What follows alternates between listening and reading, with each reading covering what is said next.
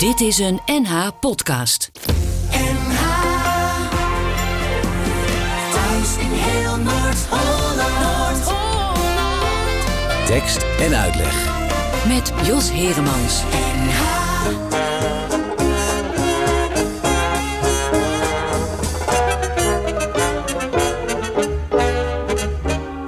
Baby, vraag niet naar je moeder. Baby, huil maar niet. Moeder heeft haar dagelijks pratje. Papi lief zit bij je bedje. En die zal wel liedjes zingen voor zo'n kleine zoon. Mami houdt meer van de banjo en de saxofoon. Mami is dansen, baby, wees maar stil. Mami is naar la gaieté, oei. Mami is aan haar twintigste blues. Papi geeft je droge ponnen, mami is aan Charleston. En mami gaat met de jongens van de band. Papi blijft thuis bij vent.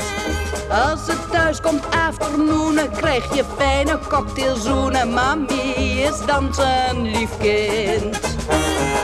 Duitsland is nu een republiek. Mami is dansen. Viel van de een in de andere kriek. Mami is dansen. Europa tot het hemd geplukt. Wordt weg uit elkaar gerukt. De volkenbond werd doodgedrukt. Mami is dansen.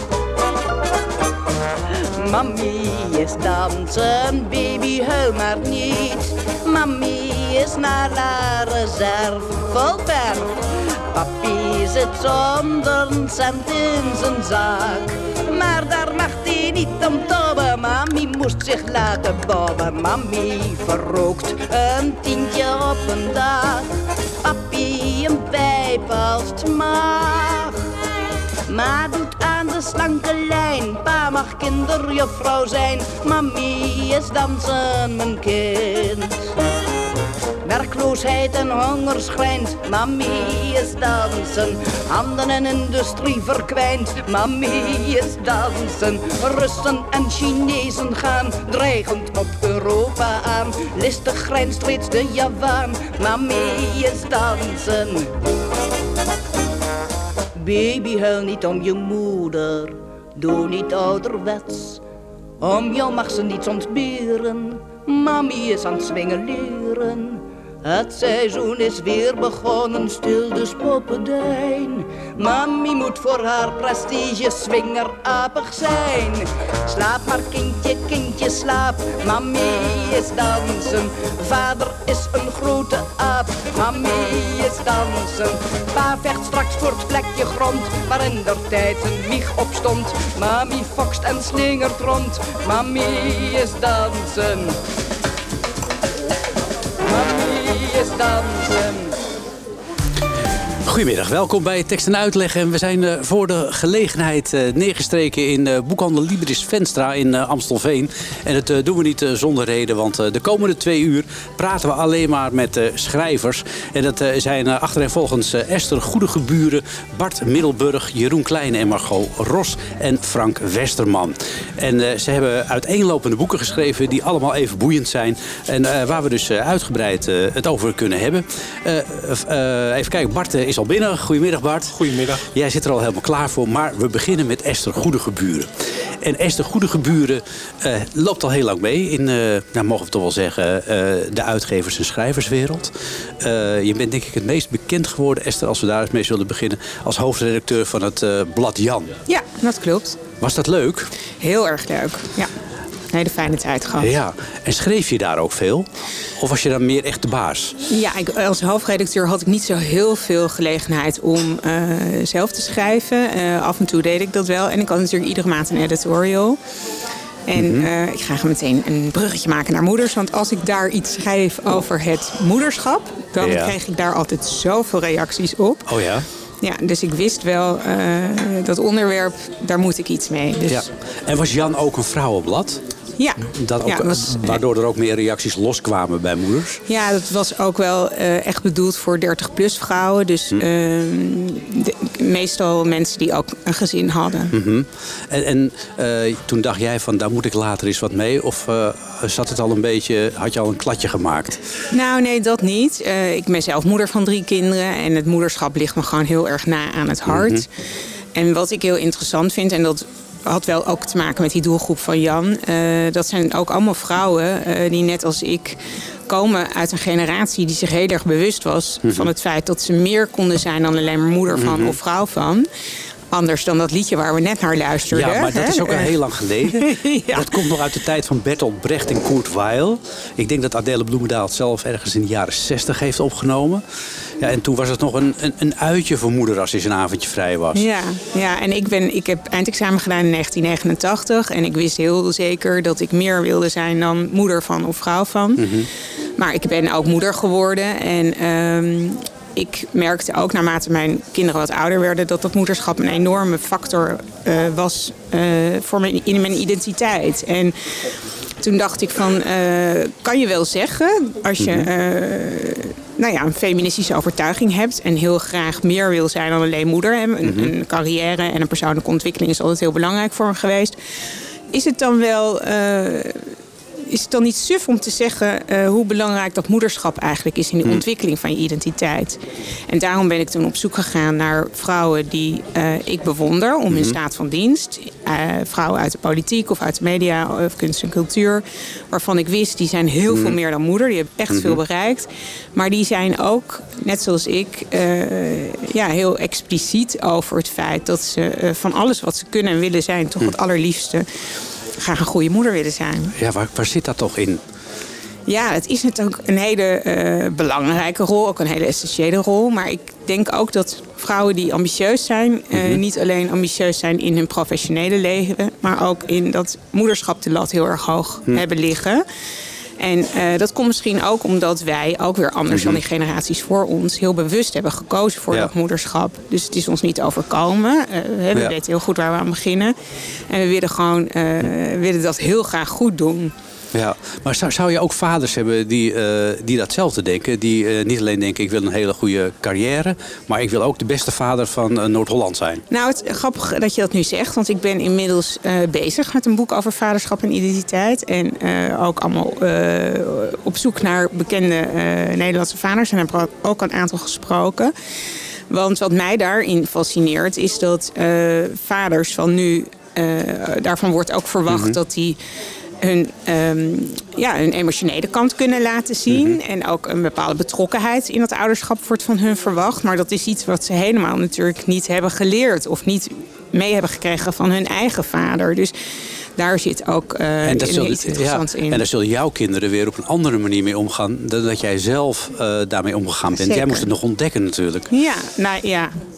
Je bedoelt eh, dat moederschap? Of, En het eh, vaderschap, hoe je daarmee omgaat en hoe je dat Eh, samen ja, doet. ik ben zelf natuurlijk geen vader. Maar ik denk dat daar inderdaad onze generatie hierna gaat het ook weer heel anders doen. Daar ben ik van overtuigd. Mhm. Maar in mijn boek Moeders, en dat zal straks ook in mijn Mhm. boek Vaders er zijn... ben ik ook heel erg geïnteresseerd in ehm, wie ben je als moeder. Zegt Mhm. ook heel veel over wie je bent als dochter. En wat je anders wil doen. En wat je tegen wil en dank misschien toch precies hetzelfde doet. Dus Ja. die intergenerationele patronen vind ik heel fascinerend. Als je er nu op terugkijkt, hè, op de periode dat je, dat je zelf net moeder werd. En je, je kunt nu in, eigenlijk eh, achterom kijken en denken van nou hoe heb ik het gedaan. Eh, ben je dan tevreden over jezelf? Want dat is ook iets wat in jouw boek voorkomt. Moeders zijn zelden tevreden. Ja, nee, vrouwen zijn, dat inderdaad heel grappig, zijn vaak onzeker. En eh, misschien ook omdat ze die lat zo hoog leggen. En er zit heel veel schuld en schaamte in dat moederschap. En eh, ik was daar eh, zeker niet de minste in. Ik had, heb me heel lang heel erg onzeker gevoeld. Misschien ook wel omdat ik veel werkte en hard werkte. En, eh, en, maar ook omdat ik me altijd afvroeg van... ja, doe ik het wel goed genoeg? En eh, hè, in mijn werk zag ik mezelf succesvol zijn en slagen. Maar in dat moederschap was ik altijd geneigd om te kijken naar de dingen waar ik in faalde. En het Ah. heeft me echt jaren gekost voordat ik ook durfde te geloven. Volgens mij heb ik het echt best wel goed gedaan. En mijn kinderen zijn altijd vrij gul geweest in positieve feedback geven. Maar dan dacht ik altijd, ja, ja, ja, dat zeg je nu. En straks Later moet je therapie. Ja. Dat is ook wel iets wat veel voorkomt. Eh, dat de kinderen achteraf dan, eh, zeg maar, hè, nou ja, we maken er nu een grapje over, maar in therapie moeten, omdat er best complicerende factoren zijn. En wat mij opviel in jouw boek, het gebeurt eigenlijk veel vaker dat die vaders verdwijnen dan dat de moeders verdwijnen. Ja, ja. Waar zit dat dan toch in? Ja, ik, dat zou je kunnen zien als, als misschien een, een cultureel verschijnsel... of ook iets wat van moeders verwacht wordt. Maar ik denk ook, eh, dat heb ik verder niet echt onderzocht of zo... Hoor, maar ik geloof toch ook dat er... Dat moederschap ook wel een hele erge eh, ja, sterke biologische band zit. En ehm, evolutionair misschien ook wel. Eh, dat je als moeder niet zo heel snel je kind zult verlaten. Nee, dat is ook zeker zo. Eh, wa- wa- wa- wat zou jij tegen jouw eigen kinderen willen zeggen? Je hebt drie zoons, geloof ik. Nee, ik heb twee zonen Oh, en één, één dochter. en één dochter. Wat zou je daar tegen willen zeggen van... eh, dit moet je vooral wel doen. Laten we het nou positief houden. Eh, nou, ik zou sowieso ook mijn dochter eh, aanraden. Je moet vooral eh, hard en veel blijven werken als je daar heel erg veel plezier in hebt. Mhm. Weet je, dat heeft helemaal niks te maken met goed ouderschap. Mhm. Als je dat doet, besteed dan heel veel stomme taken lekker uit. Want Mhm. Dat, dat zijn altijd de momenten waar je eh, wrevelig en eh Wat ja, onaangenaam van wordt. Af, afwassen, stofzuigen, huishouden. Oh ja, ja, ja, ja, oké, ja. Eh, en eh, ja, eh, wat ik gewoon heel, waar ik heel blij over ben in de relatie met mijn kinderen is dat wij altijd heel veel gepraat hebben. Mhm. En eh, een hele, daardoor een hele intieme band hebben gekregen. Dat vind ik Mhm. ontzettend leuk. Eh, en dat je ook, wat ik heel leuk vind aan eh, de, de moeders van mijn leeftijd, is dat ze iets meer dan de ouders boven ons bereid zijn naar te kijken, reflectief, bereid zijn om reflectief te zijn. Dus Ja. te kijken wat ze ook niet goed doen. Of ehm, ja, als er ruzie is, dat het niet zo is dat de ouders per definitie gelijk hebben en de kinderen ongelijk. En dat de Ah, kinderen ja. altijd sorry moeten zeggen. Nee, ja, de ouders Die mogen dat ook wel eens zeggen. Ja, ja. En, en ik denk Ja. dat, dat mijn generatie ouders daar iets getrainder in is. En ehm, nou ja, dat maakt een band wel beter, Echter. denk ik, en Ja, echter. ja. Ja. Heb jij kinderen, Bart Middelburg? Nee, Oké, en als je dit zo hoort, wat denk je dan? ik ben er niet jaloers op. Oké. nou, goed, goed luisteren dan. Want misschien komt het zo dadelijk nog. Want we gaan straks eh, eh, samen met eh, Esther uh, Goedegeburen... een aantal van die gesprekken die jij gevoerd hebt... met verschillende bekende Nederlanders... zoals Diewertje Blok, Chantal Jansen, Sylvana Sienhorst... gaan we eventjes langslopen. En dan kijken we of we daar een parallel in kunnen vinden. Eerst hebben we muziek van Louise Korthals, moeder van het plein.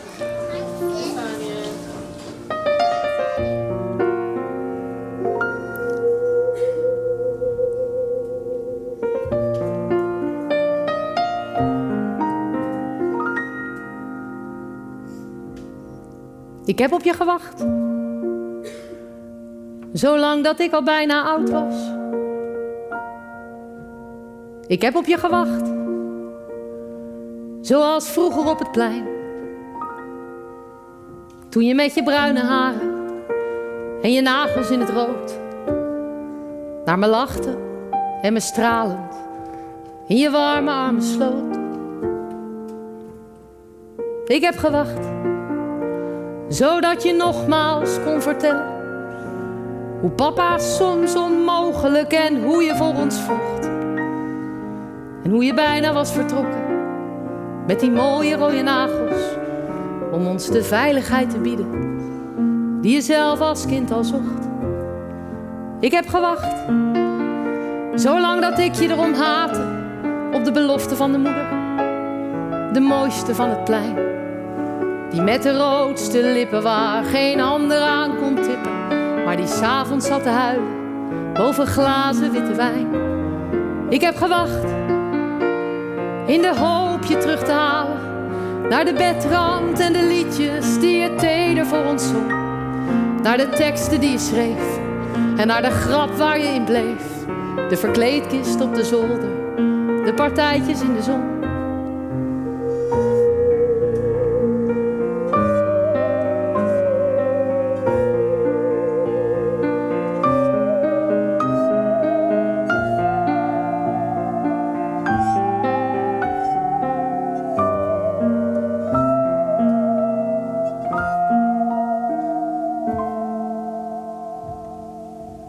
Ik heb gewacht. Tot ik je zag daar met mijn zoon. Zo broos, zo onhandig, met zijn pamper in de weer. En dat je keek of het wel goed was. Toen je hem nog even voorlas. En je met ongestifte lippen vroeg. Wanneer kom je weer? Toen stopte ik met wachten. Want ik wachtte niet op jou. Ik wachtte op die moeder van het plein. En ik wil je laten weten dat ik haar nooit zal vergeten. En dat de schaduw van een moeder ook heel mooi kan zijn.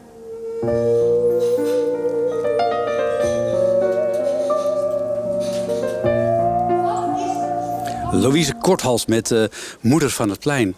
Esther Goedegeburen, daar uh, spreken we mee in het eerste uur van tekst en uitleg. Uh, en zo dadelijk ook met Bart Middelburg over zijn boek Janne de Leugenaarster.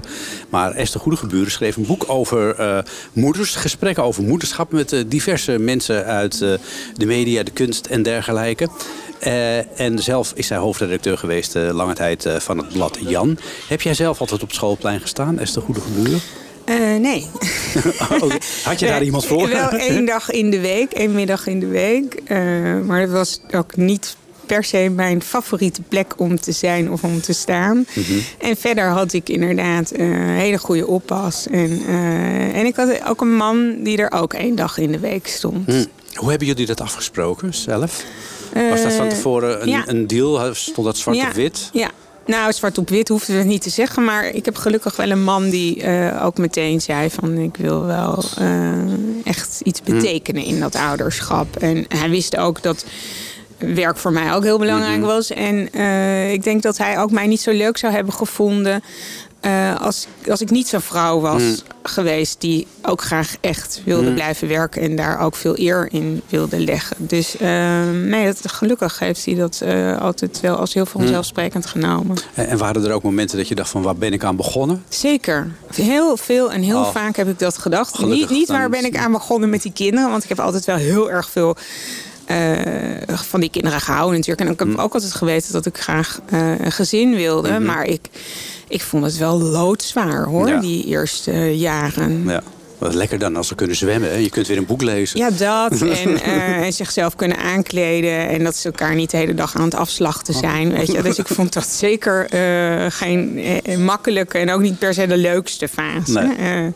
En ik vind ook, ik wilde ook, ik hoop dat het ook duidelijk is. Mijn boek is geen eh, roze wolk verhaal of zo. Nee, zeker Het is, niet. eh, je kunt gewoon ontzettend ge- eh, houden van dat moederschap. Mhm. Maar het wil niet zeggen dat het een... Het is geen poederig Mhm. verhaal. Het is gewoon een hele uitdagende, een hele ingewikkelde rol. Ja, zeker. Eh, ook, ook al is het je lievelingsrol. Ja. Ja, ik denk dat dat voor iedere moeder geldt, toch? Ik denk dat je van tevoren nooit weet wat je overkomt. Geldt trouwens ook voor Ja. vaderschap, denk ik. Ja. Laten zullen we een paar eh, van jou geïnterviewde eh, de revue laten passeren. Ja, leuk. Laten we eens beginnen, omdat het Sinterklaasjournaal toch net begonnen is, met Dievertje Blok. Wat, eh, hoe, eh, dat, was ook een, dat vond ik een apart verhaal ook weer. ja, wat vond je daar apart aan? Nou, ik heb nooit van Dievertje Blok eh, geweten bijvoorbeeld... dat zij al op hele jonge, met hele jonge kinderen... zij en haar partner uit elkaar gingen. Toen waren die kinderen 1 en 3 of zo. Dan denk Ja. ik, hoe organiseer je je leven dan? Ja. ja, en daar heeft ze zich ook heel erg schuldig over gevoeld. Ehm, omdat ze natuurlijk ook wel besefte dat het een impact had op die kinderen. Ehm, en dat schuldgevoel heeft een hele grote rol gespeeld in die relatie die ze had met die kinderen. En eh, ze vertelde me dat ze daardoor ook heel erg over zich heen liet lopen. En eh, niet zo eh, makkelijk de grenzen durfde te Mhm. stellen. Echt vanuit dat schuldgevoel. Totdat ze een nieuwe man kreeg, die ze nog steeds heeft. Peter de Bie. Ja, die zei tegen haar van... eh, dit, dit moet je echt heel anders doen, weet je wel. Het is, eh, ja, je moet dat schuldgevoel aan de kant Mhm. zetten... en gewoon even aan gaan staan met je kinderen. En wat ik heel erg leuk vond aan haar... dat heeft mijzelf ook echt geïnspireerd... is dat zij, eh, toen die kinderen op het punt stonden om het huis uit te gaan... toen ze groot genoeg waren... Is, heeft ze één voor één een, een grote reis met ze gemaakt. En tijdens die reis had ze heel bewust bedacht van ik ga dan heel veel gelegenheid geven om nog terug, om hun Mm. nog terug te laten komen op die jeugd en op eh, mijn rol als moeder Ja. en op onze relatie. eh, waarin ze zich ook heel erg Mm. open durfde te stellen voor kritiek of voor negatieve feedback. En dat vind ik ontzettend leuk. Een soort opvoedevaluatie. ja, en, en dat je ook, eh, nou ja, je kwetsbaar op durft te stellen. En eh, niet vanuit waar we het net al voor het liedje over hadden. Niet zomaar vanuit het idee, ik heb gelijk. En hoe ik het heb gedaan, dat is de beste manier of zo. En dat vind ik heel mooi. En, eh, Ze doen het allemaal op een andere manier. Ook al de me- alle mensen die jij in je boek spreekt. Er is er geen één die het eigenlijk eh, hetzelfde Nee, verstandig. dat sowieso niet. Maar ik vind het dus heel, heel fijn dat ze, of tenminste, ik vind het mooi en ook Hmm. leuk. En, en persoonlijk vind ik dat heel belangrijk. Dat je, je, kind, dat je ook naar je kinderen wil luisteren Hmm. hoe zij dingen hebben ervaren. Ja, maar goed, van de andere kant is het zo. Je hebt ook eh, Anita Witsier en Tanja Jes geïnterviewd. Kinderen, eh, hun- eh, van beide hun kinderen, eh, gebeurde daar iets in hun hoofd waarvan ze geen weet hadden. Nee, ja, dat eh, vond ik ook heel eh, indrukwekkend en ontroerend. Ik heb ook gewoon zo goed om even te vertellen. Ik heb Mhm. al deze vrouwen die ik heb gekozen, heb ik gekozen om een bepaalde reden. Mhm. Omdat ze ieder hun eigen thema hadden. Mhm. Ehm, dus ik, zo wilde ik ook adoptie en het samengestelde gezin bijvoorbeeld er ook in kunnen brengen. En Tanja Jes heb ik uitgekozen omdat zij een kind heeft met genderdysforie. Moet je even uitleggen wat dat is? Eh, dus eh, haar eh, oudste kind kwam er in de puberteit, ontdekte in de puberteit Hm. dat hij liever een meisje dan een jongen wilde zijn. Mhm. vast zat in een, nou ja, verkeerde genderidentiteit. En ja, dat heeft natuurlijk gewoon een heel ontzettende impact op jou als moeder. Omdat Mhm. je, nou ja, zij schrok natuurlijk heel erg van eh, ja, dat, die eenzaamheid Mhm. die dat kind toch eh, had doorgemaakt. Want dat was een proces wat eigenlijk al jaren aan de gang ging voordat Mhm. dat kind daarmee eh, bij de ouders kwam. En ja, dat is heel confronterend natuurlijk. Want je denkt, als, als vader of als moeder wil je natuurlijk heel graag een, een, een hele persoonlijke en hechte relatie met je kind. En iedereen zal zeggen van ik wil dat mijn kind met alles bij me kan aankomen. En als het dan eh, jaren duurt voordat iemand met zijn diepste eh, verdriet of onzekerheid bij jou durft aan te kloppen, dan, dan ben je toch bang dat je iets gemist hebt of dat je Ja. iets verkeerd hebt gedaan of dat je er niet genoeg bent geweest. Ja. En ehm, kijk, ik denk niet dat heel veel lezers van mijn boek een kind met genderdysforie zullen hebben. Maar het gaat om die dynamiek. Dat je. eh, ja, dat je achter het hoofd, eh, ja, precies. achter de Je façade van je kind, je kunt denkt kijken. je kind te kunnen kennen. Ja. En, je, en, je, en je komt erachter dat je eigenlijk geen idee hebt. En, Mm. en dat is iets wat ons allemaal kan overkomen. eh, maar wat ook heel pijnlijk voor Ja. je kan zijn. Ja. Welke van deze personen die jij hebt gesproken, want er zijn er heel veel geweest, heeft op jou zelf de meeste indruk gemaakt? Oei, nou, ik heb heel veel eh, mooie gesprekken. Eigenlijk ieder gesprek vond ik heel erg indrukwekkend. Ook omdat ik heb ook steeds geprobeerd om het eh, persoonlijk weer te maken. Dus het, is niet, zijn niet, het is geen interviewboek. Ik heb het helemaal verweven met mijn eigen persoonlijke ervaringen. Ja. Dus het heeft, ieder gesprek heeft wel iets bij mij losgemaakt. En heb ik ook gereflecteerd aan hoe ik dingen zelf ervaar. Maar sommige eh, gesprekken waren wel voor mij een eye-opener. Bijvoorbeeld, eh, wat ik heel erg leuk vind aan dat gesprek met Sylvana Simons. Die had eigenlijk anders dan de meeste vrouwen die ik heb geïnterviewd. Die voelt zich helemaal niet schuldig. Die is wel eh, zich heel erg bewust van de dingen die ze misschien anders had moeten doen. Of de fouten die ze heeft gemaakt. En daar kan ze ook met haar kind over praten. En ze kan ook zeggen: Sorry, dat had ik beter anders kunnen aanpakken. Maar, zegt ze, ik voel mezelf daar helemaal niet schuldig over. Ik ga Nee. daar niet gebukt onder. Want ik heb het gedaan op de manier waarop ik dacht dat het goed genoeg was. Naar En, vermogen. eh, ja, naar vermogen. En, en ook, ik ben ook maar product van eh, mijn ouders. En dat vind ik een hele gezonde eh, manier van naar die dynamiek kijken. Eh, ik zou willen dat, dat ik dat ook iets meer in me had. En dat zou ik andere moeders ook gunnen. Want het heeft echt helemaal geen zin natuurlijk Ja. om kapot te gaan, een schuldgevoel. Je mag wel wat milder over jezelf Ja, zijn. En ja. zij is... Dat komt ook in je boek naar voren. Hè? Ja, ik heb ook een deskundige geïnterviewd. En bijna alle deskundigen zeggen, dus dat zijn dan bijvoorbeeld relatie- of familietherapeuten. Mhm. En die zeggen bijna allemaal, eh, vrouwen zouden wel wat milder over zichzelf mogen zijn. Maar dat is eh, niet zo heel erg makkelijk. Nee, En eh, zij is daar een positieve uitzondering in. Nou, gelukkig. Zijn er ook vrouwen die toen jij belde en zei van ik wil het over moederschap hebben, dat ze zeiden, oh nee, ga ik er echt niet over hebben. Eh, ja, eerlijk gezegd niet zo heel erg veel, gelukkig maar. Want ik had ze natuurlijk ook uitgekozen. Omdat ik wist van dat moederschap, ja, dat, dat is heel dierbaar voor ze. Of vinden ze leuk om over te praten. Maar eh, ja, er is, is ook wel iemand geweest die zegt... ik wil me niet profileren als moeder. Ja, dan had ik dan Ah, niet helemaal goed aangevoeld. ja. Ja, dat kan gebeuren. Ja. Voor de rest staan er alleen maar prachtige mooie verhalen in dit, eh, in dit boek. Het heet Moeders, gesprekken over moederschap. Eh, het is geschreven door Esther Goedegeburen. En eh, het is uitgegeven door Lebowski. Het is overal te verkrijgen. Dus ook hier bij boekhandel Libris Venstra in Amstelveen. En als je hem daar koopt, dan staat er misschien ook nog wel een handtekening van Esther Goedegeburen in. Dankjewel. We gaan straks verder praten met Bart Middelburg over een vrouw die niet in een leugentje gestikt is. Janne de Leugenaarster. De dodelijke intriges van de hoerenmadam uit Amsterdam. Adriana Valkenburg, het gevaarlijkste wijf van Amsterdam. Tekst en uitleg.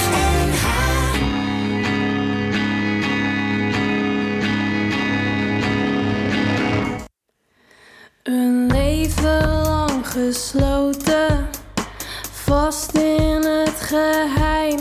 Ik begreep niet dat het open anders kon zijn.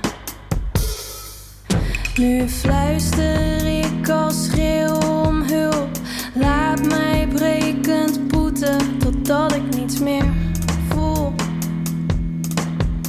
Sla mij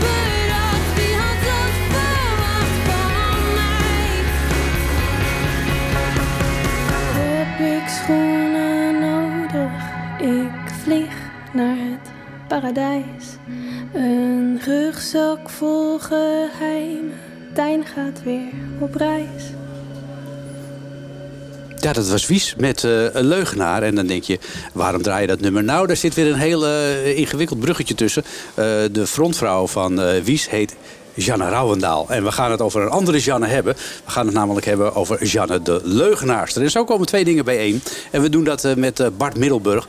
Bart Middelburg kennen we natuurlijk allemaal uit een verleden als misdaadverslaggever van het Parool. Waarbij de kogels hem om de oren vlogen als hij op pad ging.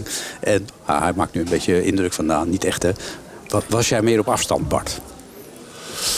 Nou, eh, zo erg dat de kogels je om de oren vlogen, zo was het niet.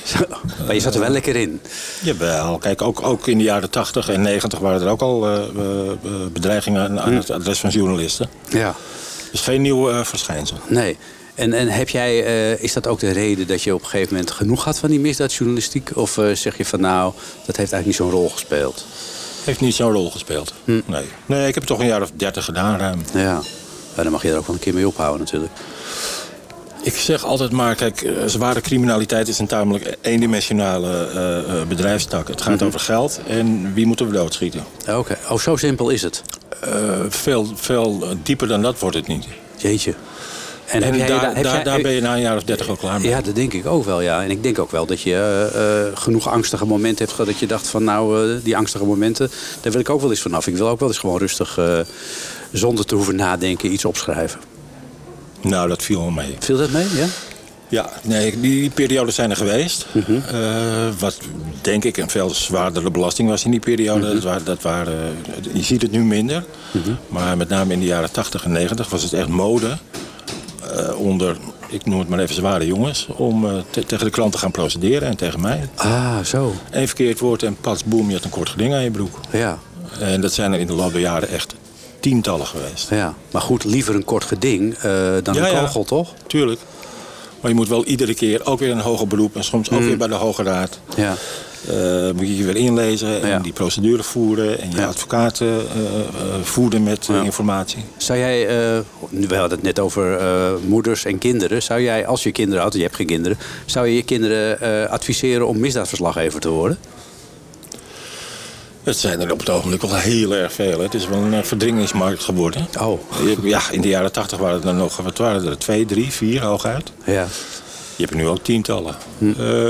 Eh, niet per se. niet per se. We gaan het niet over het vak van misdaadjournalist hebben. Althans, zijdelings toch wel. Want je hebt een boek, eh, eh, eigenlijk mogen we zeggen... ehm, niet herschreven, maar aangevuld en verbeterd... over eh, een vrouw, Jeanne de Leugenaarster...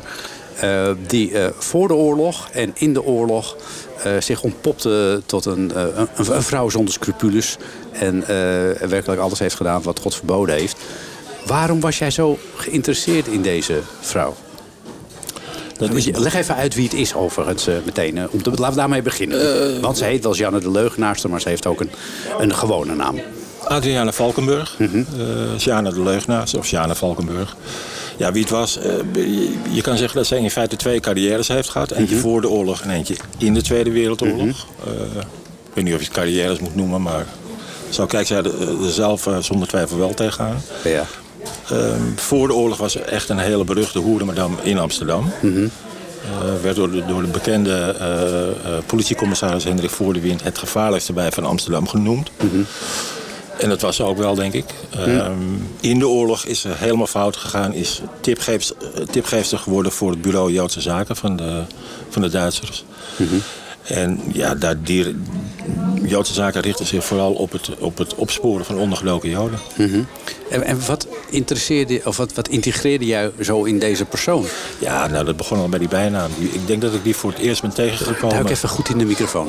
Die, ik ben die bijnaam voor het eerst tegengekomen, denk ik, in het onderzoek dat ik samen met een collega van me deed naar eh, Riphagen, Dries Riphagen. Als je dat boek nog te pakken kan krijgen, mensen, koop dat. Want dat is zo goed. zo, dit even terzijde. Een andere oorlogsmisdadiger en vooroorlogse figuur. Ja, daar kwam ik die bijnaam in tegen. En ja, dan, dan, dan ben ik al verkocht. Dan wil ik weten, waar loopt ze dan allemaal over? Hm? Ja. Nou, dat bleek nogal wat te zijn. ja, je kunt eigenlijk zeggen, waar loopt ze niet over? Ja, over alles. Het, Ja. het is altijd zo geweest, haar hele leven. Ze heeft iedereen eh, altijd maar besodemieterd. En, Hm. eh, en dat is altijd zo gebleven. Zelfs tot op het eind van haar leven. Toen, Hm. eh, toen de vraag aan de orde kwam of zij überhaupt moest worden vrijgelaten. Ja, toen Ja. zei de reclassering nog steeds van... ja, dat, dat kunnen we echt niet doen. Dat Nee. kunnen we echt niet doen. Maar eh, ze, ze leiden iedereen om de tuin. Eh, niet de minste. Want eh, ze, ze werd op een gegeven moment ook gereclasseerd door Major Boshart. Die we allemaal kennen natuurlijk. Als frontvrouw van het leger des Heils. Iedereen ging er ook met boter en suiker in. Wat is dat toch? Het is, het is een zesde zintuig van haar geweest... wat volgens psychiatrische onderzoeken van na de oorlog... moet zijn ontstaan in haar vroegste jeugd. Thuis, in een gezin met 15 kinderen... en een, en een vader die hun sloeg en, en, en misbruikte en noem maar op. Ja, en zij, zij is geboren in Schiedam. Ja. Toen is ze op een gegeven moment via allerlei omzwervingen alleen naar Amsterdam gekomen. Hoe is zij eh, uitgegroeid tot de hoerenmadam van Amsterdam? Zit ik een kleine stap voor. Ze is op haar- rond haar twintigste is eh, in, alleen in Rotterdam eh, beland. Ging werken bij Gerson, een, eh, een modemagazijn. Hij heeft daar een eh, stinkend rijke scheepsindustrieel ontmoet. Een stuk ouder. En die heeft haar toen eh, voorgesteld om haar te gaan mainteneren. Dat was toen een gangbare constructie. Ja, waarbij- dat is een mooi woord. Maintenee. Waarbij, eh, zij werd maintenee, wat erop dan neerkwam. eh, ze gingen niet trouwen. Hij betaalde wel haar huisvesting. Ze kreeg een toelage in ruil voor seks. Ah, zo ja. Dus eigenlijk een- Toen stond ze in feite al met één been in de prostitutie. Ze heeft toch even geprobeerd om zich aan die vent te ontworstelen. Eh, want het was natuurlijk toch een rare houtgreep. het, ging om, Ja, het ging om seks en geld. ja. Eh, Toen is ze, eh, is ze nog getrouwd geweest, een paar dagen, met een andere man. Dat was ook echt een vluchtpoging. Daarna is ze naar Amsterdam vertrokken, eh, na die scheiding. En die man was er ook opeens vandoor. Binnen drie dagen. Ja, was binnen drie jaar. Ik vermoed, ja, ik vermoed dat hij na een dag of twee dagen na zijn huwelijk heeft ontdekt van... hé, hey, ze houdt er ook nog een met, metteneur op na. Ah, zo. Ja, het kan niet anders dan dat het zo gegaan is. Ja. Toen, eh, toen is ze vrij kort daarna in Amsterdam beland. En, en eigenlijk vrijwel onmiddellijk in de prostitutie beland helemaal. Ja. Met, ook- met behoud van haar menteneur. Met, ja, ook dat. En wat je ook beschrijft aan haar. eh, zij had eh, het voordeel, eh, ze had een hele knappe verschijning. Ja. Dus ze leidde iedereen daarmee om de tuin, als het ware. Hè. Mannen vielen voor haar bij bosjes. En daardoor kon ze ook heel veel voor elkaar krijgen. Ja, maar haar core, core business werd natuurlijk... want In, in de jaren twintig was eh, de prostitutie zat ietsje anders in elkaar dan nu. Haar core business was het beroven van klanten. Oh ja. Dat was ook interessant. Dat staat ook in jouw boek. Dat, eh, er ging een wereld voor mij open wat dat betreft. Eh, er waren luikjes die open gingen. Dat als je je Ja. jas ophing aan de deur... dat tijdens de daad werd de deur omgeklapt... en wa- daarna was je, je jas leeg. Allemaal dat soort trucjes kun je toch niet voorstellen tegenwoordig meer? Nee, dat- daar hoor je er nauwelijks meer van. Maar in de jaren 20 en 30 was dat echt eh, bijna standaard in, in, eh, in, in eh, bordelen. En dat deed ze natuurlijk samen met, met haar eerste pooier. Want behalve een menteneur kreeg ze ook nog een pooier. En later kreeg ze ook nog een vaste vriend. Ja.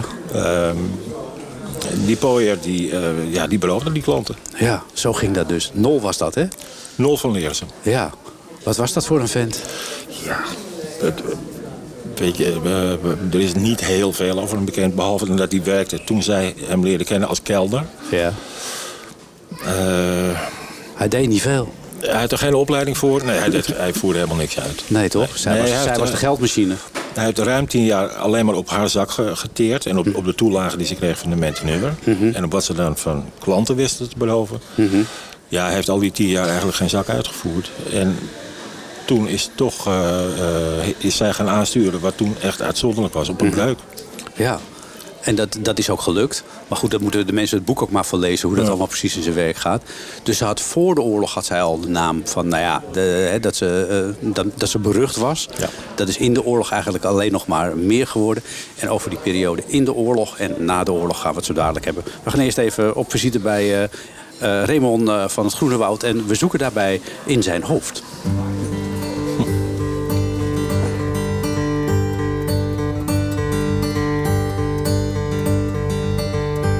In mijn hoofd is alles heel eenvoudig. In mijn hoofd valt alles op zijn plaats. Geen verderf, geen loeiende reclame. Welkom, welkom in mijn hoofd. Er is tijd voor eender welke richting. Er is plaats voor eender welke stroof. Er is rust om alles te overschouwen. Het is prettig toeven in mijn hoofd. Overdag is er de verwarring. Overdag loopt het spoorvlug dood. Overdag wringt men zich in bochten.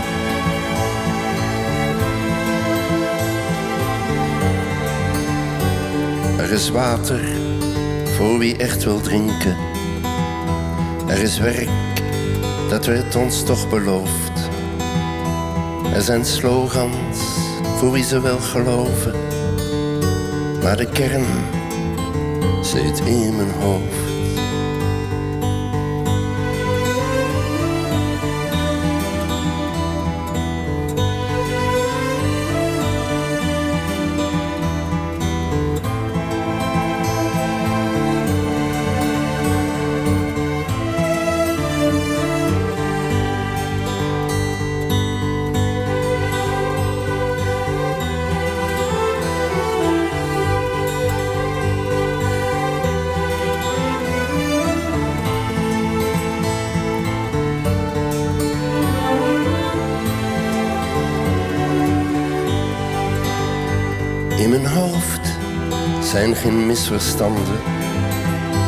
In mijn hoofd blijft alles ongedeerd.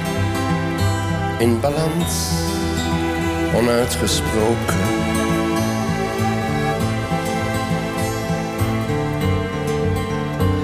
Naar het schijnt verdwijnen je gedachten.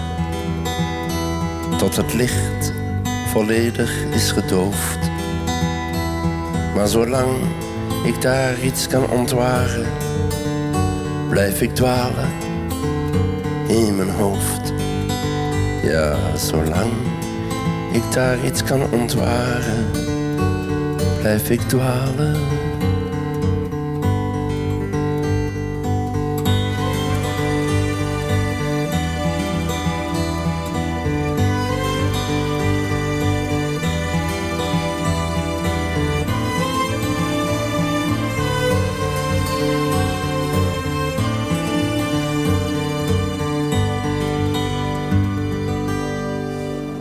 Raymond van het Groenewoud met eh, In Mijn Hoofd. Wat veel mensen... Ja, dankjewel. Applaus natuurlijk voor Raymond van het Groenewoud. Ook een beetje voor de gasten van vandaag. Esther Groenegeburen en eh, Bart Middelburg die hier bij mij aan tafel zitten. Raymond van het Groenewoud is overigens eh, geboren in Amsterdam. Alleen toen de zaken heel slecht gingen van zijn vader... toen zijn ze verhuisd naar Vlaanderen. Dus eigenlijk is het gewoon een Amsterdammer. Maar goed, dit geheel terzijde.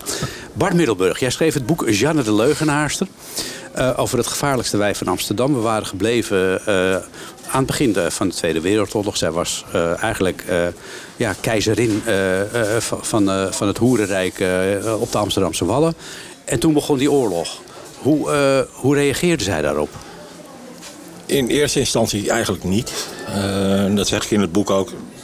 Ook criminelen die moesten zich in de eerste oorlogsjaren eh, gaan afvragen hoe ze zich het beste konden verhouden tot de bezetter. Wat, wat wordt er gepikt? Wat kunnen, we, wat kunnen we nog doen? Of wa- wanneer worden we meteen doodgeschoten? Zij heeft in de eerste twee oorlogsjaren eigenlijk niet zoveel gedaan. Eh, waarschijnlijk ook niet in de prostitutie. Daar is eigenlijk niets over terug te vinden. Waar heeft ze dan van geleefd? Nog steeds als, als, als nee. Nee, die relatie die kwam eind jaren 30 een beetje tot, tot zijn, op zijn, eh, liep op zijn einde. Maar ze had toen al ruim tien jaar eh, een, een, een vaste vriend. Een, een vaste verhouding met Jacob A. Cohen. Oh ja.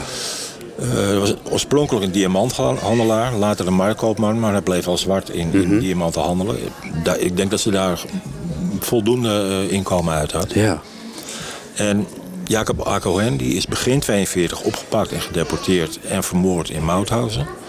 En dat heeft voor haar een verandering eh, teweeggebracht. Eh, ze is daarna... Je kan, je kan zelfs zeggen dat ze nog enige tijd in het verzet gezeten heeft. Ze is daarna eh, allerlei vrienden en kennissen van A. Cohen gaan helpen. Een tijdje onderdak verleend.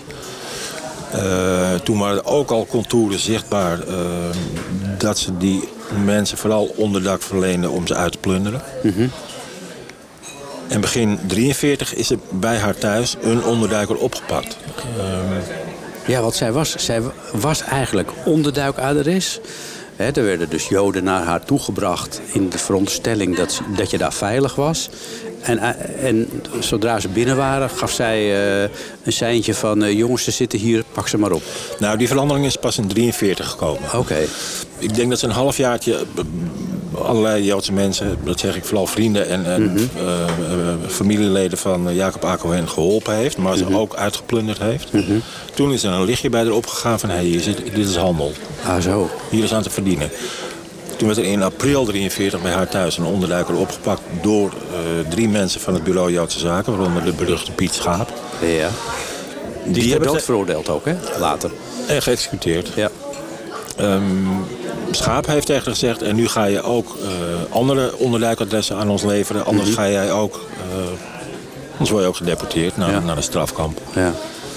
Nou, dat heeft ertoe geleid dat ze eigenlijk binnen de kortste keren... een, een compleet nieuwe rol aannam. Eh, en, en Joden is gaan verraden. En de constructie daarbij was dat een andere verrader... een Joodse man, Daan Blom... bij haar eh, Joodse onderduikers onderbracht. Zij moesten dan even een dag of twee dagen houden. En dan de SD tippen, Piet Schaap meestal. En die deden dan een zogenaamde inval bij haar. Dus haar woning werd in feite een, een fuik. Ja. Je zou zeggen dat zij, eh, net als Hans van Dijk... dat toch een van de meest bekende aangeefster is eh, van, eh, van Joden in de Tweede Wereldoorlog... ook de doodstraf zou krijgen na de Tweede Wereldoorlog. Want zij is inderdaad gearresteerd na de Tweede Wereldoorlog. Ja. Maar dat gebeurde niet. Nou, ze is wel veroordeeld eh, ter dood. Ze is wel ter dood veroordeeld. Maar eh, ik denk dat in haar, voordeel in, in haar voordeel heeft gespeeld... dat Ans van Dijk al redelijk vroeg na de oorlog... eh, onder de bijzondere rechtspleging is, is berecht. Eh, in 47 en begin 48 meteen geëxecuteerd. Pardon, Tjana Valkenburg... ehm, haar berechting smeerde zich uit over een langere periode. Ja. Om, mede omdat het bijzonder gerechtshof besloot... in tegenstelling tot de zaak van Dijk... dat ze haar psychiatrisch wilde onderzoeken. Ja, wat Nou, ook... dat, dat, dat, heeft, dat onderzoek heeft ongeveer eh, de- zaak met een jaar verlengd. En toen was, eh, eh, was er al een zodanige omslag in de bijzondere rechtspleging... dat allerlei doodvonnissen die wel waren opgelegd... niet meer werden uitgevoerd. Ja, wat opmerkelijk is in jouw boek, wat ook, dat ze dus samen met eh Ans van Dijk en met Betje Weri eh, in één cel hebben gezeten. En, en, en dat ze- ze toen voor elkaar heeft gekregen dat die andere eh, zodanig logen eh, dat, dat zij een beetje goed wegkwam. Ja, die, die drie dames, je kan zeggen dat de drie grootste oorlogsmisdadigsters... eh, eh, zo werden ze toen wel gezien, in, Ja, één, in, in één cel. in een eenpersoonscel. Wie verzint het? Anderhalf jaar lang. Ja. Eh, zeker. Ja, kijk, die vertellen elkaar natuurlijk alles, want je hebt niks anders te doen. Je hebt niks te Ze verliezen kennen, ook. ze kennen elkaars eh strafdossiers van haven tot gort. En dat heeft er onder andere toe geleid dat... eh, toen was Ans van Dijk al ter dood veroordeeld. Betje Weer die moest nog voorkomen, die was nog, toen nog vrij jong. En toen heeft Jana Valkenburg, geheel conform de, de bijnaam... die heeft een, een complete mijn- mijn-eetzaak in elkaar gedraaid. Waarbij zij, zij en haar zuster weer allerlei verklaringen zouden moeten afleggen... ten gunste van Betje Weri. Nou, het is allemaal fout gelopen, het is allemaal uitgekomen. En Het is, ze het allemaal ja, bekend. het, is, het is een bizar verhaal. Want als je eh, eh, nagaat dat ze... De, ze heeft de, de, de hele familie van, van haarzelf heeft ze aan alle kanten belazerd. Maar als ze dan bij ze aanbelden van kan ik hier eventjes eh, eh, verblijven een tijdje... dan zeiden ze toch, ja kom maar. Ik snap dat niet. Was het een hele charmante vrouw ook? Wisten mensen met haar charme om de vinger te winden? Eh, charmant was ze denk ik zeer zeker niet. Ehm, ik denk eerder dat ze dwingend en, en, en eh, handig was. Dat- Jij zei van ze is psychiatrisch onderzocht hè? en er kwam niet uit dat ze een stoornis had. Net te gek was. nou ja, kijk, dat was, een, eh, eh, dat was in het kader van een bijzondere rechtspleging. En de, eerste vraag, de enige vraag die daarin moest worden beantwoord was... is zij toerekeningsvatbaar? Kunnen we wat ze gedaan heeft haar toerekenen of niet? Nou, Ja. de conclusie van dat onderzoek was ja. Maar dat wil natuurlijk niet zeggen dat ze een, Ja. een eh, normaal functionerend gewetensvol Nederlander Ja. was. Hoe is hij uiteindelijk onder haar straf uitgekomen? Nou, ze is even uit mijn hoofd begin 49 definitief ter, ter dood veroordeeld. Heeft meteen gratie, eh, eh, meteen dezelfde week gratie verzocht. Dus omzetting naar levenslang. Ja. En dat zeg ik, de, de, het, het klimaat ten aanzien van de uitvoer van de doodstraf was toen al zodanig omgeslagen. En ze had misschien ook het voordeel dat Juliana die was wat milder dan Wilhelmina hè, met het verlenen van gratie. Heb ik wel eens gehoord. Nou, al voor de, de, de troonswisseling eh, was er achter de schermen, had de regering achter de schermen al besloten, wij, wij gaan niet al die, er waren bijna 200 doodvonnissen Mhm. uitgesproken. Die gaan we niet allemaal uitvoeren, want dat, Mhm. ja, op een gegeven moment pikt de bevolking dat ook niet meer. Nee, dan, dan, dan, wordt, dan wordt het een moordmachine misschien. Ze wilden het beperken tot enkele tientallen. Ja, Eh, en dat is ook gebeurd. Het zijn er uiteindelijk een stuk Ja. of veertig geworden. ja. En daar heeft Sjane Valkenburg van geprofiteerd. Als Ja. Van Dijk eh, iets minder. Ze heeft meerdere malen heeft ze gratie aangevraagd. Uiteindelijk eh, eh, moet ze de reclassering in bij Major Boshart. Ja. Eh, en dan krijgt ze ook op een bepaald moment eh, het, het zijn veilig. Dan, dan mag ze weer op zichzelf gaan wonen. Wanneer was dat? Dat was eind 1960, begin 1961. Ja, dus dat is, dat is 15 jaar na de oorlog. Ja. Ja. Was vrij, eigenlijk heeft ze maar vrij kort gezeten. Ja. Maar dat, dat gold voor alle oorlogsmisdadigers. Hè? Jeetje, word je daar, als je dat aan het opzoeken bent en aan het uitzoeken bent... word je er niet vreselijk eh, pislink over als je dat dan allemaal leest. Nou, Pislink, ja. eh, kijk, als, het, als je het afzet tegen wat zij allemaal aangericht heeft... is 15 jaar helemaal niks. Nee. Eh, maar je kan ook weer zeggen dat, dat iemand als Als van Dijk... ehm, eh, die, die geëxecuteerd is na de oorlog... Ja. Ja, die is er een stuk minder goed vanaf gekomen dan al die Duitsers. Eh, voor wie zij in de oorlog hebben gewerkt. En die, eh, die de feitelijke jodendeportatie eh, hebben georganiseerd. Ja. Die zijn er allemaal, allemaal met gratie afgekomen. Ja. ja, als je het boek leest, het is echt, je, je, je zit eigenlijk een beetje tussen twee gedachten. En je denkt aan de ene kant, hoe is het in godsnaam mogelijk dat dat allemaal gebeurt? Dat is de eerste gedachte, dat het allemaal kan. En ten tweede, van hoe komt iemand ermee weg? Dat is ook een gedachte van dat je denkt van jongens, die, ja, dat, dat is een beetje mijn gevoel als ik het, toen ik het boek las. Denk, jeetje, dat had ik bij Rip Hagen trouwens ook, die er ook zo onder, onder zijn straf is uitgekomen. Ja, daar geldt het natuurlijk nog, nog stel, veel sterker voor. Die is gewoon door, door de toenmalige BVD eh, het land uitgesmokkeld. Ja, en die is eh, adviseur van eh, de familie Perron geworden in Argentinië. Ah, nou, voordat we ons eh, nog meer gaan opwinden, moeten we zo dadelijk naar het nieuws van 6 uur. Dus dat is eh, wel een heel, andere, een heel andere gang van zaken. Dankjewel eh Bart Middelburg dat je hier was om toelichting te geven op dit boek. Jeanne de Leugenaarster, de dodelijke intriges van de hoere madame Adriana Valkenburg. Het is uitgegeven door uitgeverij De Kring. Dankjewel. Is ook in alle boekhandels te krijgen. En ook als je bij Liberis Venster in Amstelveen komt, staat daar misschien wel een handtekening van Bart in. Esther Goede Geburen, ook hartelijk dank. Jij gaat op zoek naar vaders.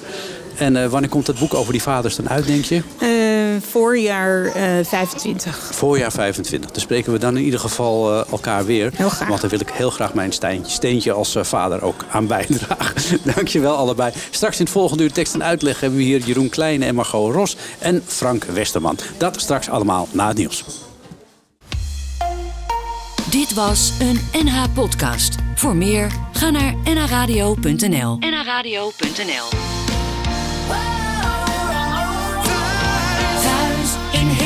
It's hard.